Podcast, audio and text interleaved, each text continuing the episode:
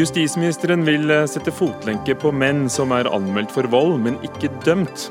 Det gir ingen mening, sier en erfaren forsvarsadvokat. Miljøpartiet De Grønne vil skape 150 000 nye arbeidsplasser utenfor olje. Usosialt og urealistisk, tordner Høyres Trina Bru, som blir lei seg av å høre på partiets argumentasjon. Og den kjente jusprofessor Ole Jems Onsdag reiser spørsmål om forbudet mot tortur skal være absolutt. Kronikken hans er utdatert og full av feil, svarer eh, politihold. De er godt av skaftet alle mann, sier professoren.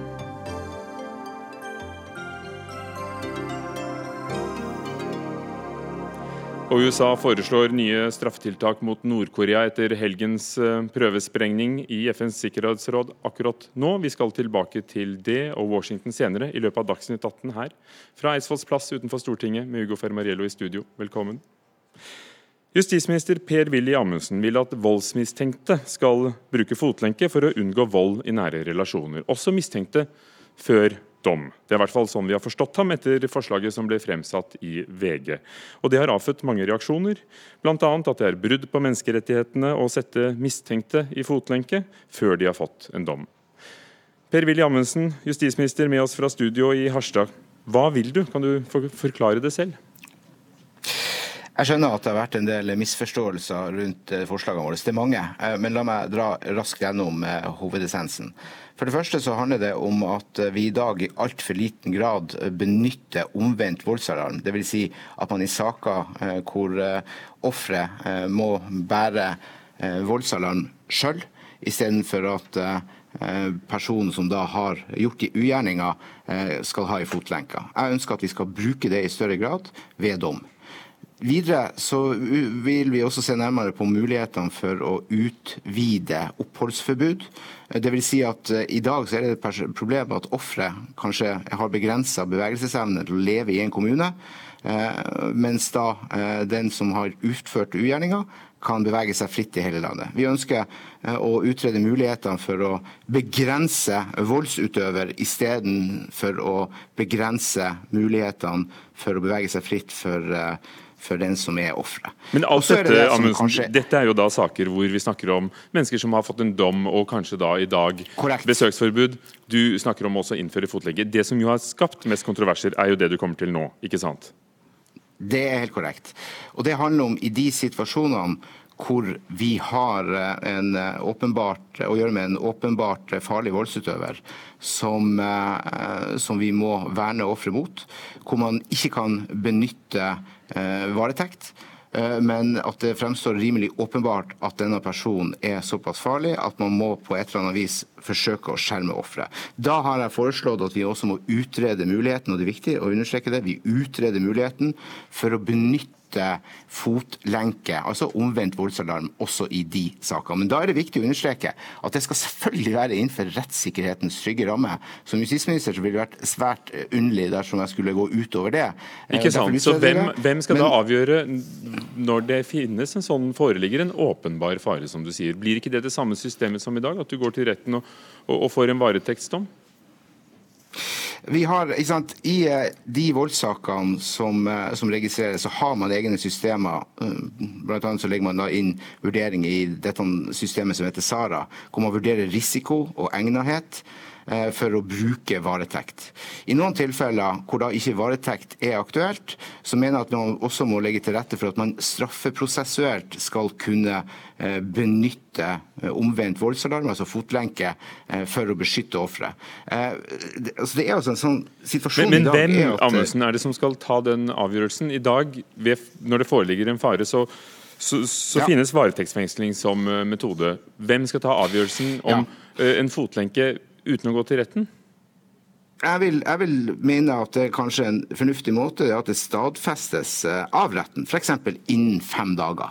Altså At man har noen, eh, noen, muligheter for å prøve det rettslig, sånn at vi har trygge, gode rettssikkerhetsrammer rundt det. altså På samme måte som besøksforbud. Altså Dette må vi utrede. Eh, men det, er, det som er mitt anliggende her, det er at vi må ta i bruk omvendt voldsalarm, dvs. Si fotlenke, i langt større grad enn vi har gjort så langt. Og så må vi sørge for å ivareta bevegelsesfriheten til offeret, ikke bevegelsesfriheten til eh, voldsutøver. Altså, Hvorfor kommer du med disse forslagene vi... nå? Hva er det som gjør at du mener at dette er nødvendig nå å utvide eh, ja. begre og begrense eh, mm. friheten? Altså, Vi ser faktisk at i syv av ti partnerdrapssaker så har det altså vært registrert vold mellom partnerne tidligere. I halvparten av sakene så har altså ofre eller andre rundt meldt ifra om eh, mer enn fem voldsepisoder. Altså, det, dette er litt eh, behovet vi har for å gå videre mot eh, å bekjempe vold i nære relasjoner. Dette skal tas på alvor. Og Da mener jeg at vi må se på ytterligere virkemiddel utover de vi allerede har i dag, for å ivareta ofre, sikre at ofre kan leve et trygt liv. Men alt, det handler om ofre for eh, gjerningspersoner som er dømt. Hvis vi går tilbake til dem du tenker at kan få en fotlenke fordi du mener det finnes da en åpenbar fare, som var ordet du brukte. Mm. Den, er det politibetjenten på stedet som skal kunne sette på en sånn fotlenke? Er det en politijurist? Hvor, hvor høyt i systemet skal denne rettssikkerheten ivaretas? Jeg mener at det bør, bør eh, prøves eh, av retten. Eh, og at man da innen fem dager f.eks. Har, har en rettslig prøving av det. Og så, altså, I utgangspunktet så legger politiet det til grunn, men så må det prøves av retten. Det er altså et faktum ja, i etterkant. Det er altså et faktum at vold i nære relasjoner er et stort samfunnsproblem. Eh, og vi har mange politikere over lang tid løfta frem og prøve å jobbe med denne problematikken.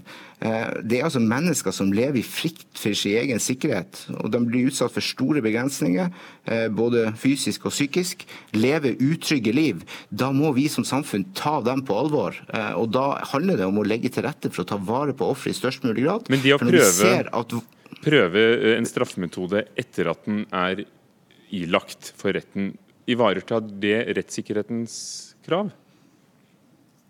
Ja, det mener jeg gjør det. Så, så, så, fremst man har en mulighet for å stadfeste det av retten. og Det er det som er hele poenget her. Dette er ikke noe tilfeldig bruk av virkemiddel. Det er et virkemiddel som ut ifra ei konkret vurdering, altså hvor man ikke anvender fordi at man av andre grunner kanskje ikke anvender varetekt, eh, så må man kunne også ha den muligheten straffeprosessuelt. Vurdere å se om, om også fotlenke kan være egnet i de situasjonene. Dette vil selvfølgelig ikke gjelde alle saker. Det vil gjelde i de sakene hvor det lyser rødt, hvor eh, voldsutøver vurderes eh, som svært farlig. Det er altså risikoegnethet som vil vurderes i sånne konkrete saker.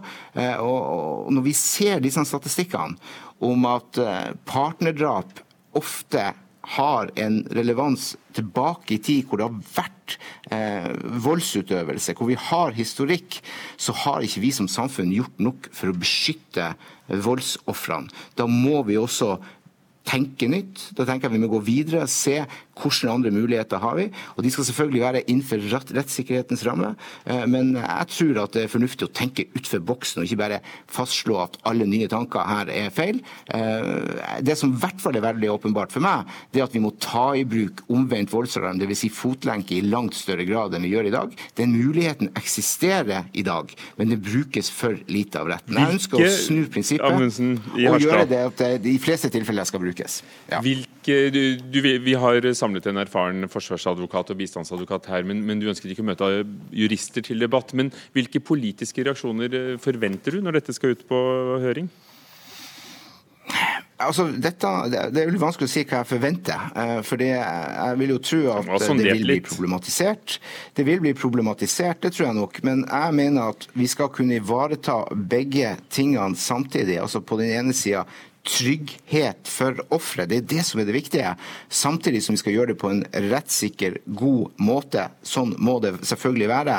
Men vi har ikke utnytta det rommet som finnes i dag, eh, for å kunne trygge ofre bedre. Og jeg har hørt de mest forferdelige historiene du kan tenke deg om mennesker som har levd på flukt i tiår fordi at samfunnet ikke har tatt vare på tryggheten deres. Det må vi snart ta inn over oss, og da må vi også tenke gjennom er det andre virkemidler som kan fungere godt. Sørge for at de voldsutsatte eh, lever i eh, trygg forvissning om at de ikke risikerer å bli, bli overfalt. Da må vi også se på ytterligere muligheter, og da må vi snu prinsippet. Det må ikke være sånn at, at det er offeret som skal gå rundt med en voldsalarm. Da må den som er voldsutøver akseptere å få begrensning i sin egen frihet. Men du mener at du ikke har snudd prinsippet om at man er uskyldig inntil det motsatte er bevist? Det har du ikke snudd, mener du? Så lenge, det, så lenge det er rettslig prøving, så kan jeg vanskelig se det. Men dette er jo ting vi skal utrede. Og da handler det om hvor skal terskelen ligge. Eh, hvordan eh, skal dette behandles av retten? Hvordan skal dette håndteres innenfor selvfølgelig menneskerettigheter, innenfor rettssikkerhet? Det er jo en grunn til at man gjennomfører et utredningsarbeid. Det som er mitt poeng og mitt anliggende, er at vi er nødt til å gå videre i å trygge offeret eh, istedenfor at man skal være så opptatt av å ta vare på, på si, handlefriheten og bevegelsesfriheten til den som har gjort seg til voldsutøver, og Takk, som Amundsen. i realiteten eh, terroriserer andre mennesker. begrense din, din talefrihet akkurat nå. Takk skal du ha, med oss fra studio i Harstad. Gunhild Lerum, forsvarsadvokat. Hvordan tolker du justisministerens forslag som du har hørt det her og lest om det i VG? Ja, jeg skjønner at uh, han sitter i en spesiell boks, for å si det sånn. For dette har i hvert fall ikke noe med rettsstatens prinsipper å gjøre. Ikke noe med rettssikkerhet å gjøre. Det er ingenting uh, med uskyldspresumpsjon å gjøre. Dette er i beste fall en lite gjennomtenkt tankegang. Det er veldig lite gjennomtenkt, sånn som jeg vil si. Der det lyser rødt i dag, så har vi muligheten for å gå og be om varetektsfengsel. Og det får man når det lyser veldig rødt. Det er nok med skjellig grunn til mistanke, dvs. Si sannsynlighetsovervekt, for at et straffbart forhold har funnet sted eller kan finne sted. Og hvis det er fare for gjentagelse, som det ofte er i vold i nære relasjoner, da blir det varetektsfengsling. Og han snakker om en femdagersfrist, der har vi en 48-timersfrist. Så det han snakker om, det vil jeg si heller blir dårligere rettssikkerhet for ofrene enn det som er i dag. Det med omvendt voldsalarm Ja, for Det er jo flere forslag her. Det er jo det som går på hva som ja. bør gjøres umiddelbart. Ja, og det, det, går ikke an å uh, si at man skal ilegge noen fotlenke før i, I pressen så har det stått før siktelse, før tiltale, før dom. Det er umulig. Altså Det bryter med norsk lov, og det bryter med internasjonal lovgivning. Når noen har en, eh, en, voldsalarm, han snakker om omvendt voldsalarm, at da eventuelt gjerningspersonen skal gå med fotlenke, og han snakker om partnerdrap. Jeg er ganske sikker på, og vi kan være enige om, at i de tilfellene hvor det finner sted partnerdrap, så hadde ikke en volds... Altså en fotlenke hjelper ikke veldig mye da. For da skjer eh, det fatale ofte innenfor husets fire vegger. Hvis du er så i fare som det han snakker om, og det er noen som er det, så må man gå til politiet og hjelpeapparatet og be om hjelp. Og det får man, og da må man anmelde forholdet. Når man anmelder, så vil politiet reagere.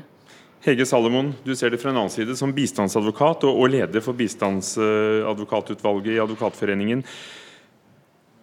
Hva, hva, hva, får du ut av, av forslaget som skal ut på høring som det er fremsatt nå? Jeg syns i utgangspunktet det er et godt forslag. Eh, Hvilken del av det? jeg, jeg, tenker Det er selvfølgelig viktig at man skal ivareta den eh, mistenkte eller siktedes eh, rettssikkerhet, eh, og at det blir undergitt domstolskontroll.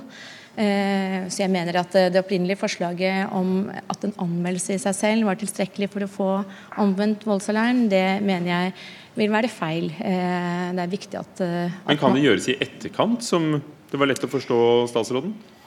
Altså, Innen fem dager? Når det gjelder besøksforbud, så er det jo slik at det er påtalemyndigheten som utferdiger det. Og så kan man anke dette videre eller bringe det inn for retten. Og, og, da blir det undergitt en form for domstolsprøving.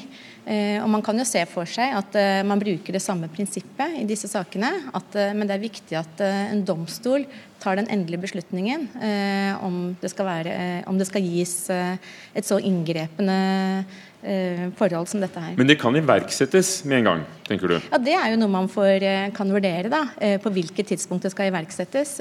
Det jeg ser, er jo at i disse sakene som gjelder vold i nære relasjoner, og hvor det i enkelte saker så er det jo et ekstremt høyt konfliktnivå. Da er det jo gjerne rett etter et brudd. Det er jo da det er farlig. Og når man er ferdig med etterforskningen etter en viss tid, Eh, så har det kanskje dempet seg noe. sånn at det kan i enkelte tilfeller være viktig å gå inn på et tidligere tidspunkt. Og vil ikke en fotlenke Lerum, være adekvat? Er det virkelig så stort inngrep å få en elektronisk dings på seg? Eh, en elektronisk dings som er overvåket 24 timer i døgnet, ja. Det har noe i forhold til arbeidsplassen din å gjøre, det har noe med omgangsvennene dine å gjøre, det har noe med hele livet ditt å gjøre. Og noen av disse blir jo frikjent. Skal... Det blir jo folk i varetekt også? Ja, men de får da en erstatning i forhold til det de har vært igjennom når de har vært frarøvet frihetsberøvelsen. Hvordan uh, justisministeren har tenkt på det prinsippet, det er ikke så godt å si. Men det som jeg reagerer på, det er liksom når det lyser rødt, som man sier, og så skal det gå fem dager, og så skal man prøve det. Men man, altså, de, jeg er ganske sikker på at de dette gjelder, de vil nok heller se at en svært farlig person sitter bak lås og slå, enn at den går rundt i nabolaget med fotlenke. Så jeg forstår ikke helt at det kan ivareta rettssikkerheten også til den fornærmede, eller til ofrene. Jeg skjønner at man skal styrke det også i et rettssamfunn, men da må det være på en sånn måte at, at det ikke medfører enda farligere situasjoner. Tankegangen er, tenker jeg da, må jo være at det er et visst geografisk område rundt der fornærmede bor, som eh, den siktede da ikke kan gå inn på. Eh, og Da må man ha ganske et ganske stort geografisk område, slik at politiet har en responstid til å komme dersom vedkommende går innenfor dette området. Det har vi i dag da, i besøksforbud. Det har vi i dag. Eh, ja, det har man også i saker om kontaktforbud, der retten har ilagt eh, Etter dom. Om, ja, i, etter dom. Mener du at vi ikke har nok verktøy i dag? At, at Amundsens forslag, uansett hvordan det blir utformet, trengs? Fordi deres klienter, bistandsadvokatenes eh, klienter, opplever at det burde vært gjort mer før? Ja, altså Tankegangen er jo det at uh, istedenfor at fornærmede må da bo på sperret adresse eller flytte til Finnmark eller langt unna, så er det her den voldsutøveren som må holde seg unna. Uh, og Det er i dag hjemmel til å ilegge såkalt uh, omvendt voldsalarm i saker. Det blir veldig veldig sjelden benyttet. Så vi har et verktøy i dag som bør brukes i mye større grad. Og jeg mener også at man på tidligere stadium, forutsatt at det er undergitt domstolskontroll, så bør man vurdere det i disse sakene for å gi disse kvinnene eh, bedre beskyttelse eh, og for å forhindre nye partnerdrap. For du tror det ville avverget noen situasjoner? Jeg tror det ville avverget noen situasjoner. Når det lyser rødt, så er det bare varetektsfengsling som hjelper? Jeg syns at eh, det, dette bør utredes nærmere, men det er klart at det er svært viktig som i alle andre saker, at eh, mistenktes rettssikkerhet hele tiden står fast. Hvis vi ser på rettssikkerheten, går det ikke an å tenke seg at noen tiltak iverksettes og så kontrolleres av domstolene? Nei, altså Man kan ikke gå imot et så uh, grundig prinsipp som at du er fri, du er uskyldig til du er dømt. Og det er vi stolt over. Vi er stolt over å leve et land som har den type prinsipper. De er helt, etter mitt skjønn helt ufravikelige. Og vi har i dag et regelverk når, før det er en sak med besøksforbud. Det benyttes ofte. Og hvis da den som er mistenkt, beveger seg i nærheten av den fornærmede, så vil den bli tatt. Altså Vi har besøksforbud, vi har forbud i forhold til hvor du skal oppholde deg. Vi har mange hjemler i norsk straffeprosess i lov i dag. Men det er ofte et problem at man må gå til politiet og anmelde. Og jeg syns det hadde vært mye bedre om vår, eh, vår, justisminister hadde tenkt mer på økte ressurser til etterforskning og til uh, å styrke de som da Sånn at de tør å gå og si fra om ting. Altså styrke hjelpeapparatet. Problemet er at uh, i veldig mange saker hvor det er besøksforbud, så blir det brutt gang på gang på gang. Uh, og dette vil gi uh, politiet en kontroll over vedkommende som da prøver å bryte dette forbudet. Mm. Og Saken skal nå ut på høring, og Per-Willy Amundsen ønsket altså ikke å diskutere med juristene, men takk for at dere kom. Gunhild Lerum, forsvarsadvokat. Hege Salomon, som leder bistandsutvalget i Advokatforeningen. Dagsnytt 18 alle hverdager kl 18.00 på NRK P2 og NRK2.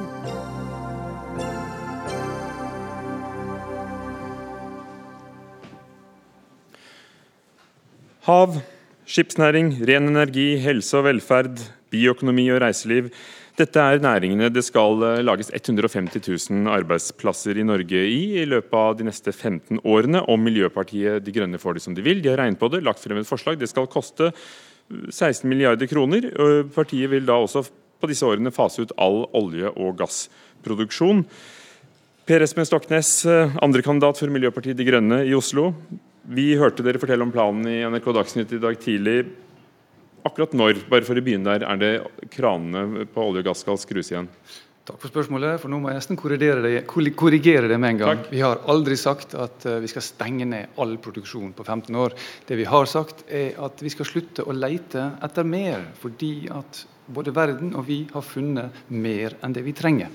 Så Det det handler om nå, det er å begynne en planmessig og gradvis utfasing på en forandring som må komme likevel. Når Da- ser du for deg at produksjonen vil opphøre i Norge, hvis dere fikk bestemme? Ehm, du vet, Enkelte felt, sånn som Sverdrup for eksempel, kan holde det gående veldig lenge. Eh, så Vi har ikke satt noen endelig sluttdato. Eh, det vi sier er at Når du slutter å lete og slutter å bygge ut nye felt, så vil veldig mye være fasa ut på 15 år. Og så er det noen felt som vil gå lenge, sånn som f.eks. Sverdrup. Så I mellomtida må vi da bygge opp alternativene, slik at når vi faser ut en næring, så kan vi fase inn en annen. Og Det har Norge klart mange ganger før, så vi er positive. Norge har omstilt seg tidligere, og vi kan omstille oss nå på en lønnsom måte. Og dere har lagt frem en generalplan for dette. Ja. Eh, Hva er prisen?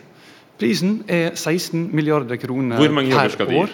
Hva sa du? Hvor mange eh, arbeidsplasser vil det skape? Det er ca. 10 000 arbeidsplasser per år. og de Finansieringa av det tar vi inn på å øke avgiftene på miljøskadelig eh, forbruk og produksjon, og såkalte miljøavgifter. Så dette balanserer fint. Og vi bygger opp eh, oljefondet på en veldig stabil og grei måte. fordi at når du slutter å lete og bygge ut nye arealer, så går kostnadene til industrien ned, og da får vi enda mer penger inn i oljefondet, så vi får mer penger på kistebunnen samtidig som vi omstiller. Tina Bru, stortingsrepresentant i Høyre, med oss fra oljebyen Stavanger. Vi hørte deg i Dagsnytt i dag tidlig også. Du mener at regnestykket ikke går opp. Kan du, kan du regne på det for oss? Nei, altså Den største og mest åpenbare svakheten i dette regnestykket er at MDG underslår totalt betydningen av olje- og gassnæringen for eh, norsk økonomi. Og Jeg satt jo i en eh, debatt med Une Einan Bastholm i MDG her om dagen, hvor hun sa at eh, ingen oljepenger går direkte til å finansiere helse eller skole eller veier. Og Det er jo da du på en måte skjønner eh, den alternative virkeligheten for norsk økonomi som MDG lever i. Fordi det er i hvert fall tre måter denne næringen gir inntekter til AS Norge på som MDG ikke har tatt med. Og Det er f.eks. direkte inntekter som skatt, eh, miljøavgifter, utbytte i Statoil. Det er eh, ringvirkninger fra de 185 000 jobbene eh, som er i næringa, bl.a. arbeidsgiveravgift, inntektsskatt osv. Og så er det selvfølgelig avkastningen fra oljefondet. Og For å putte det i perspektiv, oljefondpengebruket i år er jo på ca. 220 milliarder kroner. Så dette regnestykket her går jo ikke opp når ikke du tar med bortfallet av inntektene, som jo er det MDG vil gjøre. Ja, Stoknes, dette er jo ditt felt. Du er også førstelektor på Handelshøyskolen BI og, og underviser i grønn økonomi. Hvordan har dere kommet frem til tallene? Um, det som eh, Bru og Høyre ikke helt forstår, er at eh, vi overfører midler fra oljefondet til eh, statsbudsjettet. og Der er det pengene brukes til velferd og skole og alle de tingene som vi er glad i. Så Det går ikke noen sånn direkteoverføringer fra norsk sokkel og så inn i norsk økonomi. Det vi har regna på, er hvordan vi da kan se at når du slutter å lete og bygge ut nye arealer, så vil oljefondet vokse raskere. og det handelsunderskuddet vi har med utlandet, det dekker vi fint nå med årlige avkastninger på oljefondet. Så vi trenger ikke bruke oljefondet. Oljefondet gir oss en avkastning, og de pengene dekker opp det vi trenger til velferden i Norge. Og Vi er i en ny situasjon nå, og den nye situasjonen bør vi ta tak i og bruke den til å forberede oss på fremtida. Og Da kan vi skape en grønn økonomi, sånn som Sverige har, sånn som Finland har, sånn som Danmark har. Og Da blir vi et helt vanlig skandinavisk land. Og Dette syns Høyre er fryktelig truende. Det virker som at det er noe sånn frykt og, og, og skal vi si, ubehag og motstand mot forandring som gjennomsyrer Høyre. Tina Brudd, dere snakker jo også om, om omstilling og, og har jo hatt fire år på dere. Er dere, er dere truet? Nei, Jeg er helt enig at vi skal omstille oss, jeg. Men ja, jeg kjenner på et ubehag. Og jeg føler egentlig at nå at Stoknes bare bekrefter det som er min kritikk. At de ikke forstår hvor viktig denne næringen er for, for Norge. Det å påstå at uh, f.eks. skatteinntekter fra de 185 000 menneskene som jobber i denne næringen her, ikke spiller en rolle i statsbudsjettet på inntektssiden, det er jo helt absurd å høre på. Og, og så hører jeg at de sier at uh, nei, vi skal ikke fase ut med en gang, dette skal skje over 15 år. Men hva er det som vil skje da, umiddelbart et sånn type vedtak blir gjort i Stortinget? Jo, det er at alle investeringer på norsk sokkel, de vil stanse opp helt umiddelbart. De pengene som var anslått eh, å skulle investeres her, de vil flyttes til andre land. Bare i 2017 så er investeringen anslått til å være på 150 milliarder kroner. Selvfølgelig er det masse arbeidsplasser. Man kan egentlig sammenligne det med det som skjedde i den næringa når oljeprisen falt nå for et par år siden.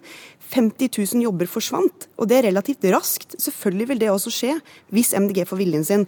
Og nå er de i en situasjon hvor de kan havne på vippen i Stortinget. De sier de skal kaste regjeringen og, støtte, og lene seg mot Jonas Gahr Støre.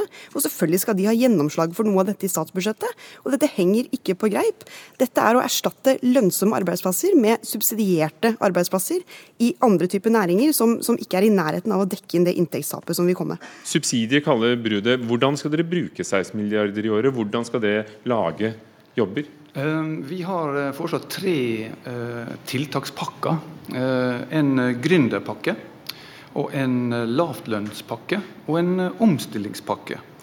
I gründerpakken så inngår det å styrke SkatteFUNN og Miljøfunn og få større fokus på de områdene i Norge som vi er ledende på allerede, som hav og, og elektriske skip osv. Og så må vi også ha en lavtlønnspakke, slik at flere kommer inn da, i eh, næringslivet. Og um, Der gjør vi det ved å ta ned arbeidsgiveravgiften. og Da er det lettere å ansette folk på de lavere lønnsnivåene. Og Til sist har vi en kraftig omstillingspakke, slik at de som uh, Bru uttaler en bekymring for, får da en videreutdanning til å fortsette å skape verdier. Og Her er svaret som Bru da velger å overse. Jeg er sikker på at Høyre-økonomene har skjønt det, men de velger å overse det. Og det at Når disse her kommer i nye stillinger, så jobber de akkurat som resten av den verdifulle og kompetente arbeidskraften vi har i Norge. Og da får vi skatt da får vi inntekter, da får vi omsetning. Sånn som vi har akkurat i Sverige, Danmark og Finland. At alle, når alle er i arbeid, så skaper det. Det er den største verdien Norge har. Det er det vi menneskene som står opp hver dag og går på jobb. Har du ikke tro på at unnskyld at jeg avbryter deg, men har du ikke tro på for jeg tror du var innom det der før, at, at denne omstillingen vil komme gradvis av seg selv? Ettersom folk ikke etterspør olje og oljeprisen faller, så vil den omstillingen skje. Uten at vi har storskilte, storskilte planer og risikerer å gå glipp av store investeringer i oljesektoren på 150 milliarder kroner. Du vet, Et veldig godt eksempel på det du etterspør nå, så vi nettopp på når Høyre har vært i regjering, at det kommer en brå eh, oljeprisdans. og Jeg gikk ut i norske medier i 2013 og sa at hør, nå kan vi komme oljepriser på under 60 dollar fatet private. Men det vil ingen høre på. Og Så kommer det plutselig bråstopp, og så må fem, bli 50 000 stykk sagt opp. Og når Bru sier at alt vil stoppe opp med, med, MDGs politikk, så stemmer ikke det. fordi Det er nettopp det motsatte som skjer når du kan ha en gradvis og planmessig utfasing. Så får vi bygd opp da nye arbeidsplasser i takt med at det går ut fra oljearbeidsplassen. Ellers så blir vi stående i suksessfellen. og Det er det at vi fortsetter å gjøre sånn som før. Med andre ord Norges Kodak-øyeblikk. Og da er det ikke et grønt skifte, men et brutalt skifte. Og som vi, vi vet, Tina Bru, film fra Kodak kjøper veldig få for tiden. Jo, men la meg spørre, Hva er det som er grunnen til at 50 000 jobber forsvant i oljenæringen? Jo, det var fordi at oljeprisen falt, og det ble bom stopp i investeringene. Og Det er nettopp det som er min kritikk. Det er jo ingen som kommer til å ville investere på norsk sokkel hvis de vet at om 15 år så er det slutt der. Men det som er på en måte mm. den store hovedsaken i planen Replikk. Vet du? Nei, vent litt med replikken. Tina Bru, fullfør, er du snill. Ja, altså Hovednevneren i denne planen til MDG er jo å øke offentlige utgifter, støtte ulønnsomme arbeidsplasser, samtidig som vi skal fjerne vår viktigste inntektskilde. Og Jeg er helt enig i at vi skal omstille oss, og det er jo nettopp fordi vi har store inntekter i Norge at vi f.eks. kan bruke 2,3 milliarder kroner årlig gjennom Enova for å støtte det som i, i fjor var over 1000 ulike energi- og klimaprosjekt i industri og annet. Dette er også grunnen til at vi kan bruke 1,5 milliarder kroner til miljøteknologiordningen Innovasjon Norge. Så ja, vi skal bygge flere bein å stå på, men det hjelper jo ikke å ha en politikk hvor du fjerner den viktigste inntektskilden og gjør en haug av mennesker arbeidsløse over natta for å få det til. Inntektene går opp for staten når eh, når oljeselskapene eh, investerer mindre, for da blir større del av overskuddet som går inn til oljefondet. Så vi får mer penger på kort sikt. Er det, er, det, er, det, litt ufarlig å love alt dette, all den stund dere ikke så i risiko for å få hele regjeringsmakten her? Eh, Stoknes? Nei, Dette er en veldig gjennomtenkt, seriøs økonomisk plan. Under Høyres regjeringstid så har de store oljeselskapene allerede valgt å flytte til andre steder. Exxon har gått ut, BP har gått ut, Shell har gått ut, Total har gått ut. Og Det vi gjør, det er å fortsette et grønt skatteskifte, men bare hjelpe Høyre å løfte. For Høyre tenker mye bra, men de, de går for sakte. Så vi må løfte Høyre, så vi får et høyere tempo i omstillingen. Her er det, Beklager, Tina Bru. Det her har det gått så fort at jeg må si takk til dere begge to. Tina Bru fra Høyre, med fra Stavanger. og Per Espen Stoknes, andrekandidat for Miljøpartiet De Grønne i Oslo.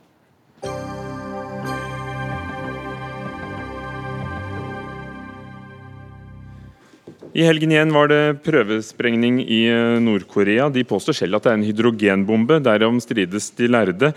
Landet, som jo har verdens femte største hær, bestående av en million soldater, har samtidig også et folk som sulter, og nå pågår det intens diplomatisk trafikk. FNs sikkerhetsråd er samlet i hastemøte akkurat nå. Putin ringer Sør-Koreas president Moon, og Kina sier at landet Nord-Korea må slutte med dumhetene sine. Og Anders Magnus, vår korrespondent eh, i Washington. Eh, Sikkerhetsrådet i FN samlet seg nå klokken 16 norsk tid. Hva vil komme ut av det? USA har allerede snakket om nye sanksjoner. Ja, eh, Nikki Haley, som er eh, FN-ambassadør for USA, sier at eh, de nå skal sende ut et utkast til nye sanksjoner eh, mot Nord-Korea. Hun holdt en veldig eh, skarp eh, tale i Sikkerhetsrådet og sa at nok er nok, og at nå må sanksjonene bli enda tøffere. Men det som nok var det viktigste innlegget i FNs sikkerhetsråd i dag, var innlegget fra Kinas FN-ambassadør Liu Chiayi, som sa at Kina kommer aldri til å akseptere verken kaos eller krig på Koreahalvøya. Og med det har han egentlig gitt et veldig klart svar til USA om at de kommer ikke til å stanse an all handel med, eh, med Nord-Korea, slik Trump har krevet i en tweet. Eh, og de kommer heller ikke til å akseptere noe angrep eh, mot Nord-Korea. Slik at eh, hvis Nord-Korea blir angrepet enten fra Sør-Korea eller fra USA, så vil eh, Kina gå inn på deres side. Dette her er en veldig klare advarsler, og Kina er også veldig misfornøyd med at eh, Trump truer med å stanse all handel med Kina. At dette er farlig politikk som kan, kan gå utover mye mer enn den eh, spente situasjonen vi har nå, det kan skape kaos i hele verdensøkonomien. Og ikke bare, Anders Magnus. Det er jo mange i USA som ville vært bekymret for hva som skulle skjedd hvis eh, USA ikke lenger kunne, kunne bruke fabrikken sin, Kina, som produserer så mye for eh, dem. Hvilke, hvordan er det blitt møtt i USA, dette utspillet med at han da eventuelt ikke skulle handlet med Kina? Det har blitt utsatt for svært stor kritikk, og det er jo noen som allerede har beregnet hvor mye dette her vil Eh, hvor mye USA vil tape på det. Eh, økonomer sier at eh, det amerikanske bruttonasjonalproduktet vil gå ned med 4 prosentpoeng. Og det er jo voldsomt. Det er et voldsomt fall. Det vil skape en internasjonal økonomisk krise. Det vil skape depresjon her i USA, og også i Kina selvfølgelig.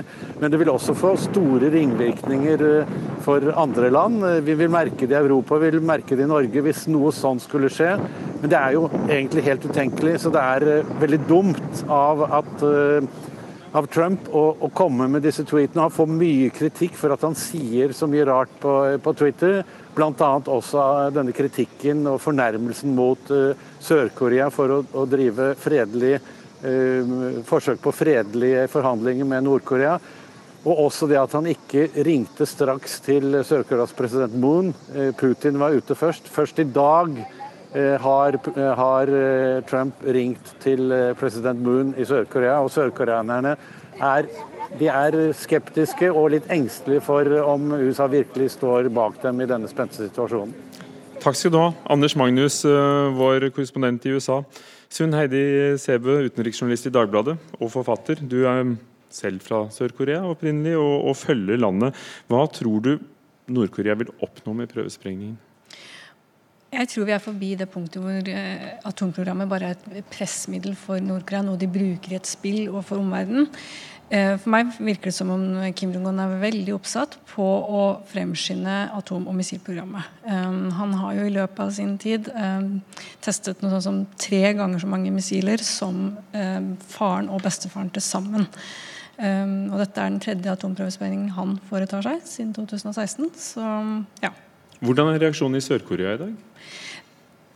Jeg oppfatter det som at uh, det er en større engstelse og uro der nå enn tidligere. Og det har jo selvfølgelig med at de ser uh, den utviklingen som er i missilprogrammet. Trusselen er mer reell. Og så er jo blitt, situasjonen blitt mer spent. Det har vært mye strid rundt utplasseringen av rakettskjoldet i Sør-Korea. Og så har man da et mye mer ustabilt forhold til eh, Donald Trump, som Anders Magnus var inne på. For Det er jo klart at det er jo Sør-Korea som ligger i, i kryssilden der. Palle Istebø, oberstløytnant ved Forsvarets høgskole. Hva nøyaktig er det dere vet om prøvesprengning denne helgen? For det er jo nettopp det at det var såpass kraftig som gjorde at eh, det har skapt en sånn krise. Ja, Det en vet, er jo det en har, kan tolke ut av disse her seismiske undersøkelsene.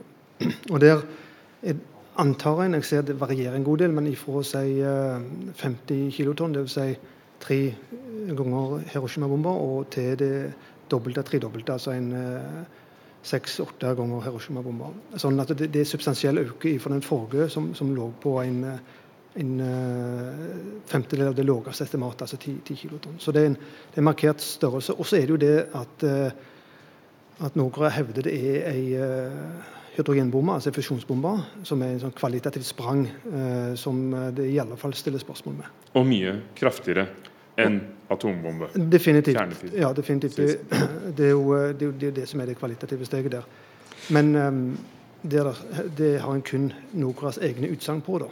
Pluss dette flotte bildet av en modell og, og disse jublende folka rundt og slikt. Ja, Han er jo avbildet foran ja. denne eh, metallaktige kapselen. Sebe, når du hører utspillene fra Kina, fra Trump, hvordan ser du sjansene for en, uh, veien videre for diplomatiet? Ja, si det. Um, det er helt åpenbart at det Nord-Korea egentlig ønsker seg, er jo en form for garanti fra USA om at de ikke skal bli utsatt for et type angrep eller et regimeskifte, sånn som man så i Irak med Saddam Hussein, eh, med Muammar Gaddafi i Libya. Så Deres egentlige mål, og det vet vi fra samtaler som har pågått med Kina, er at de ønsker en, en type fredsavtale med USA. Og da har de lært fra Libya og Irak at det er ikke noe vits i å være snill i klassen her? Altså, dette har de sagt under forhandlinger også. Eh, ser du hva som skjedde? Um, så Samtidig så er det sånn at USA på sin side er, stiller veldig strenge krav om at um, det må i hvert fall være stans i atomprogrammet og missilprogrammet før vi kan sette oss til forhandlingsbordet. Og Det er jo der man står litt låst nå. da. En sånn prøvesprengning som dette og alle de foregående, hva gjør det med diplomatiet? Det setter de i alle fall under press. Uh, og Samtidig så viser da Nord-Korea eh, militære muskler som en del av diplomatiet. Altså, dette er jo ikke bare testing for testingas del, men det er jo en del av denne strategiske kommunikasjonen som går på den globale scene. Uh, og som påvirker både samtaler som ikke kjenner til, og eventuelt samtaler som måtte bli åpne og som en del av forhandlinger. Og så påvirker relasjonene mellom landene. Altså det, det du ser spenningene mellom som du nevnte, Sør-Korea og USA, Japans rolle her, Kina, som nå er veldig tydelig, både i FN, men de var også tydelige til Nord-Korea. Så på den måten så er på dette vis både prøvesprengningene og, og testoppskytingene eh, stemmer ut i det offentlige rom, i tillegg til å være klare, klare signaler på at eh, en mener alvor med både atomprogrammet og med, med det interkontinentale missilprogrammet. Og så sier jo da Nord-Korea at de blir provosert av militærøvelsene som Sør-Korea, USA, Japan og USA har like utenfor stuedøren? Ja, det sier de, og det sier de hvert år. og de, Mange av disse her tester og andre provokasjoner har jo kommet i forbindelse med disse øvelsene. Uh, men denne gangen så tror jeg det er en del mer, fordi at øvelsene ble avslutta her uh, for, for, et par uker siden. Um, og, og, normalt da så pleier en Tidligere så har det vært en sånn tendens at da har en roa det, men nå så, så fortsetter jeg når jeg ser testene. Og det tror nok kan leses at nå er testene kanskje viktigere enn selve signalgivninga. Altså det å få demonstrert at en har kapasiteten her. Men, men spørsmålet uh, som ligger alle på hjertet, er jo hvor stor er faren for krig i området?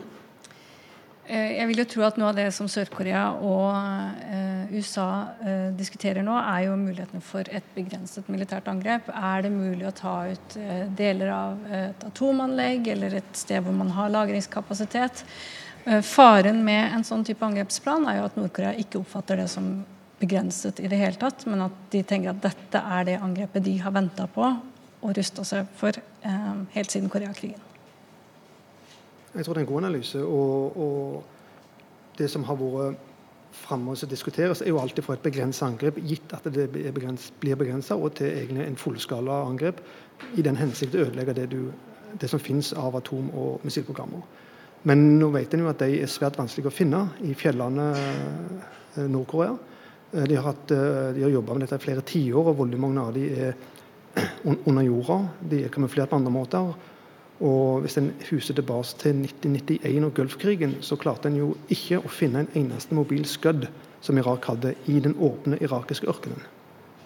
Sånn at det er enormt, hefter enorm usikkerhet med det å få ødelagt alle målene. Og så er det da hva velger Nord-Korea å gjøre. Enten angrepet er begrensa, hvordan tolker de det, eller om det er massivt, og hvordan klarer de å respondere med det. Vil sanksjoner, ytterligere sanksjoner gjøre at sivilbefolkningen i Nord-Korea lider? Det virker jo ikke som disse sanksjonene har noen særlig effekt uansett, fordi handelen med Kina fortsetter. Den økte jo med 10 eh, hvis man sammenlignet med samme periode i fjor. Ehm, så det er jo det ene. Handelen, eh, både svartebørshandel og smugling, pågår såpass åpenlig sånn at vi vil ikke se den samme type hungersnød som vi så på 1990-tallet. Da var det en del andre omstendigheter som også spilte inn. Men det er jo klart at um, Sør-Korea har vel anslått at uh, Kim Jong-un har brukt noe sånn som 700 millioner på atomprogrammet og missilprogrammet nå siden han kom til makten. Det er jo penger som kunne vært brukt til uh, strømforsyninger, mat og industri og teknologi. Takk skal dere ha. Sunn Heidi Sæbø, utenriksjournalist i Dagbladet, og forfatter Palle Ystebø, oberstløytnant ved Forsvarets høgskole.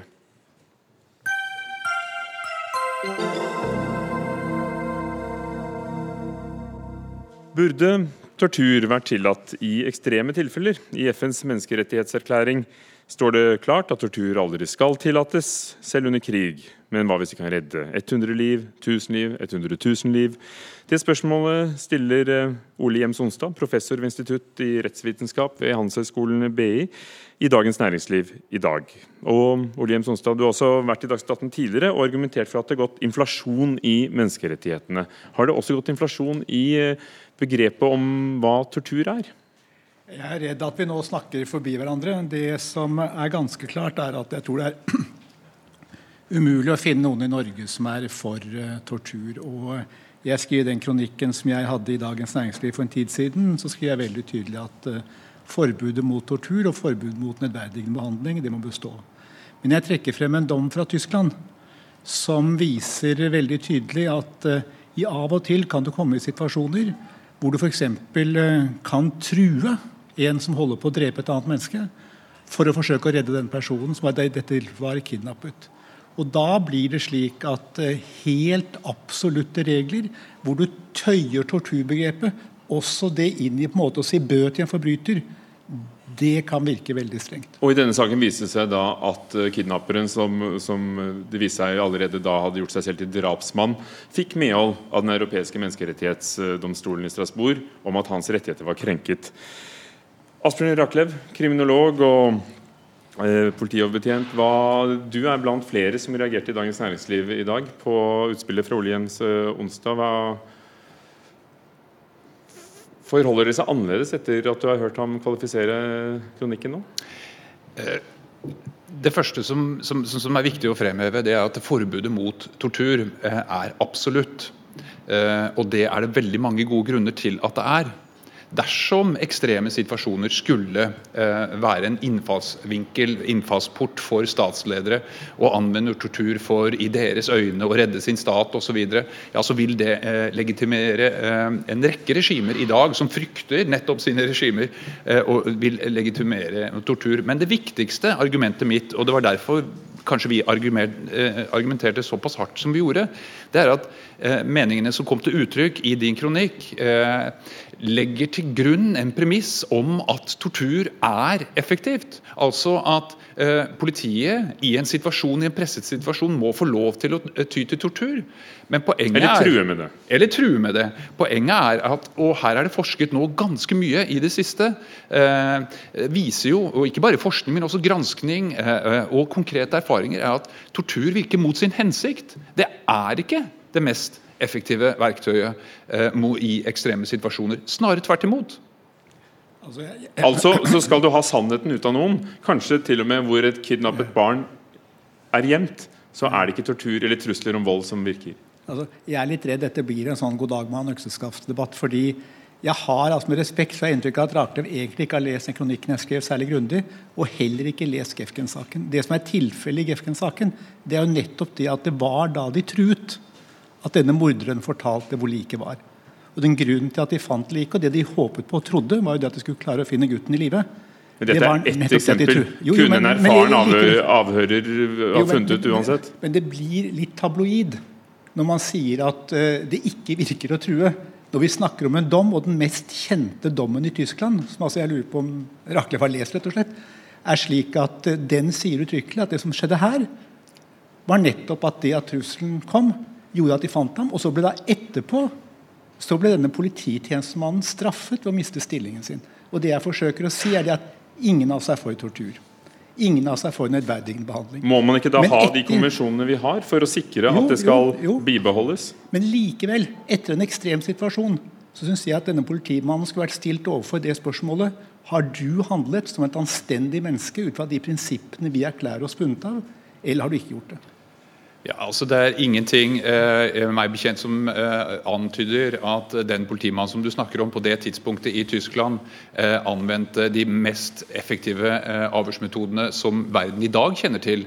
Eh, snarere tvert imot så eh, indikerer vel nettopp det at han bestemte seg for å gå til det skrittet å true om tortur, at han var ganske følelsesinvolvert i denne saken, og at han nok ikke anvendte det vi kaller hva skal vi si, menneskerettighetsfunderte, forskningsbaserte avhørsmetoder. Snarere tvert imot så tror jeg at han eh, ikke var spesielt veldig flink til å kommunisere med den personen. så Vi aner ikke eh, om hvorvidt den personen hadde kommet med disse opplysningene gjennom mer empatiske, etiske avhørsmetoder.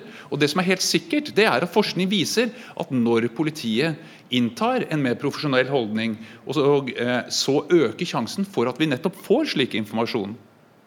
Jem Sonstad, det virker jo som han sier at du ikke har greie på det du snakker om.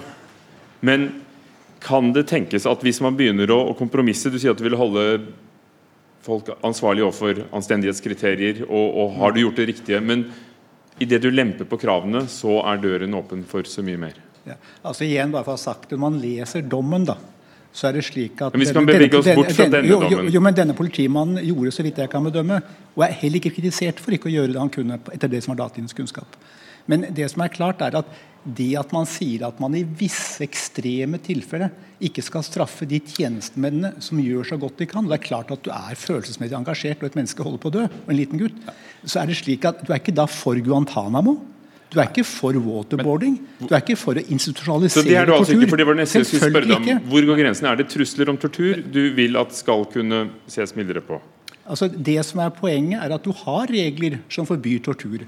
Du forbyr trusler Og om den vil du også. beholde? Nei, ja, Men i visse ekstreme situasjoner så må du også her ikke være absolutt firkantet. Men du må i ettertid kunne si at selv om vi har et sånt forbud, så har du likevel som tjenestemann gjort så godt Så du kunne. Så det er tolkningen. Ja, av er menneskerettigheter og konvensjoner?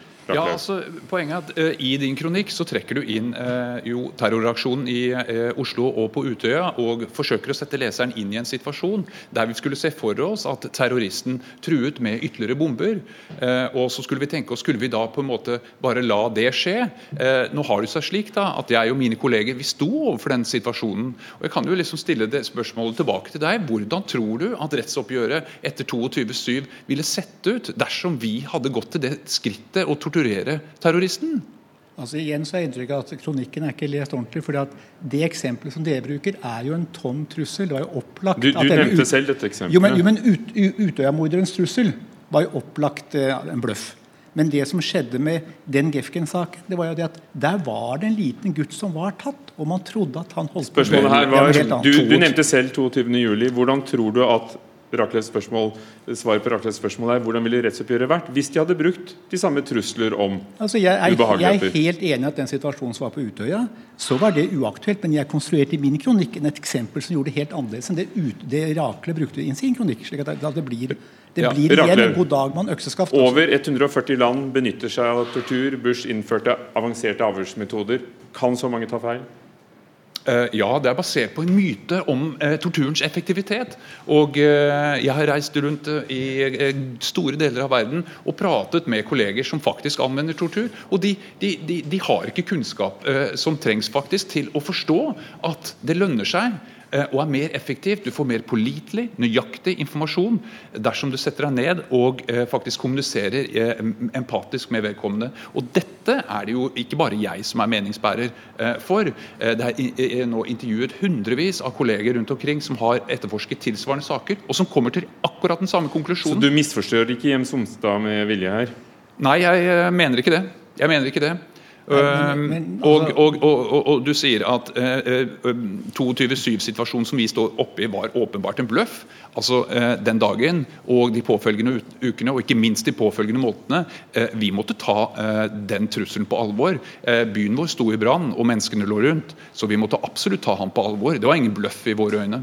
Ja, Selvfølgelig måtte man ta ham på alvor, men det jeg sier at den trusselen han da fremsatte, det var ikke som i Gefgen-saken.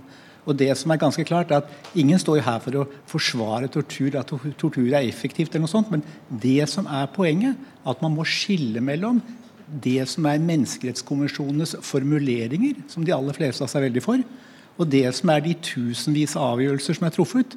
Man i visse tilfeller må kunne si at her blir det for absolutt, her blir det galt. og Dermed er man ikke mot menneskerettighetene, men er mot visse tolkninger av menneskerettighetene. Du nevner tusenvis av avgjørelser, men du kommer stadig tilbake til ett eksempel. Men det gjelder flere, sier du? Det er fordi Gefken-saken er så ekstrem som den er. Men du har jo mange eksempler som går på tolkningen av f.eks. uttrykket 'nedverdigende behandling'. Hvor langt du skal trekke det. Og, så altså, Du har mange ting du kan stille spørsmålstegn ved, men vi må skille i norsk debatt menneskerettighetens formuleringer av avgjørelsene. Takk skal dere ha. og Kjenner jeg det rett, så fortsetter debatten kanskje der den oppsto også nå, i Dagens Næringsliv. Asbjørn Raklev og Ole Jems Onsdag. Hør Dagsnytt 18 når du vil. Radio NRK Radio.nrk.no.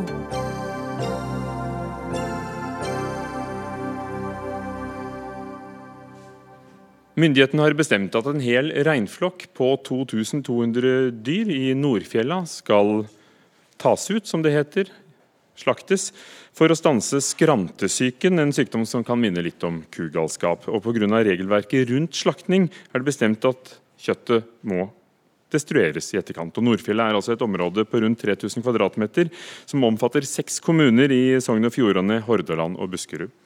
Karin Johanne Baasrud, direktør i Mattilsynet. Aller først, hva er bakgrunnen for dette vedtaket som landbruksministeren har fattet, at eh, hele flokken må avlives? Skrantesjuke er eh, fæle greier. Det er en eh, uhelbredelig og dødelig sykdom som vi trodde vi ikke hadde i Europa. Og så fant vi den på et par reinsdyr midt i Norge. Midt, eh, ja, midt i Norge. Ehm, så har vi ikke funnet den noen andre plasser.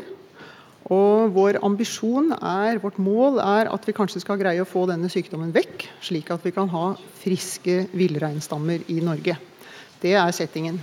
Hvorfor kan ikke da kjøttet på de dyrene som jo, da, tester negativ, ja, brukes? Det kan spises, og det skjer hver dag nå. At det foregår ordinær jakt, litt utvidet jakt i dette området. Uh, og alle de dyra blir testet. Man tar prøve av uh, hjernevevet. Uh, dyra venter så lenge. Det svaret får vi i løpet av et døgn. Og så blir de Eh, skrottene eh, sendt som vanlig viltkjøtt og er utmerket flott norsk vare. Men så er det Men, det at når jaktsesongen er over, så mm. kommer statlige jaktlag inn og mm. tar ut resten av flokken. Ja. Hvorfor kan ikke det kjøttet gå til matproduksjon? Det spørsmålet stilte vi også da vi drev og planla dette her, for det ønsker vi jo absolutt skal gjøres. Og det er ikke noen sånne grunner til at ikke det kan brukes til menneskemat. Men da må du liksom se for deg at du er altså i høyfjellet. Det er etter 1.11. Det er korte dager, det er dårlig vær. Og målet vårt er å få flest mulig av disse dyra vekk. Helst i løpet av kommende vintersesong. Og da er det sånn at disse statlige jegerne de har mer enn nok med å greie å få tak i dyra. Hvis de enkeltvis skulle begynne å gjøre opp slakt og Eh, flå skrottene og få dette av gårde, så ville de ikke rekke stort annet. Det blir rett og slett altfor lite effektivt, dessverre.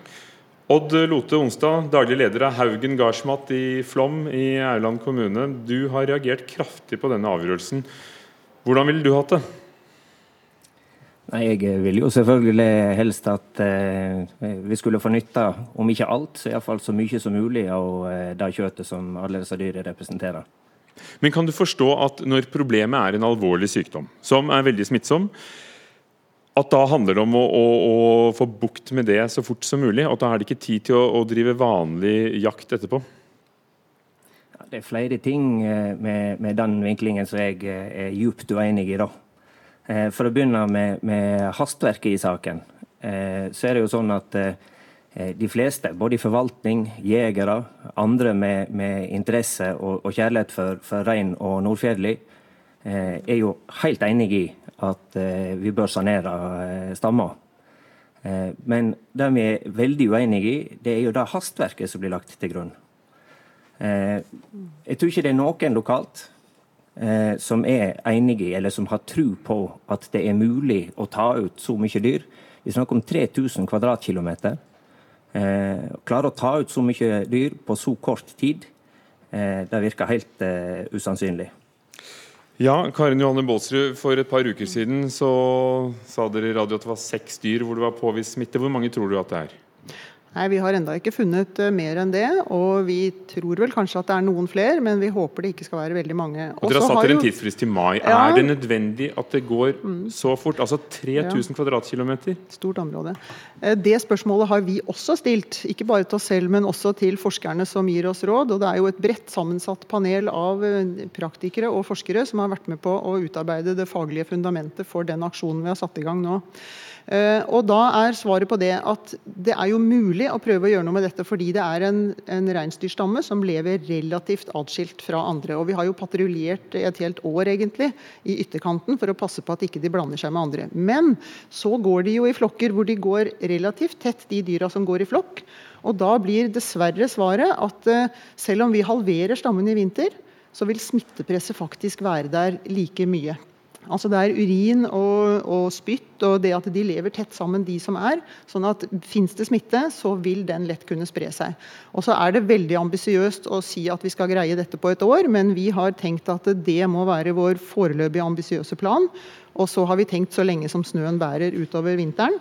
Uh, og så kan det nok tenkes at vi må revurdere det. Men det er planen nå. Hvordan kunne det onsdag vært løst etter din mening? Ja, for det første så mener jeg at en burde ha lytta til de eh, instanser som normalt sett forvalter reinen i Nordfjellet. eh, Villreinnemnda og Villreinutvalget, som har lagt en utmerka plan som tar inn over seg at norsk naturforvaltning ikke eh, er skrudd sammen for å jobbe under hastverk.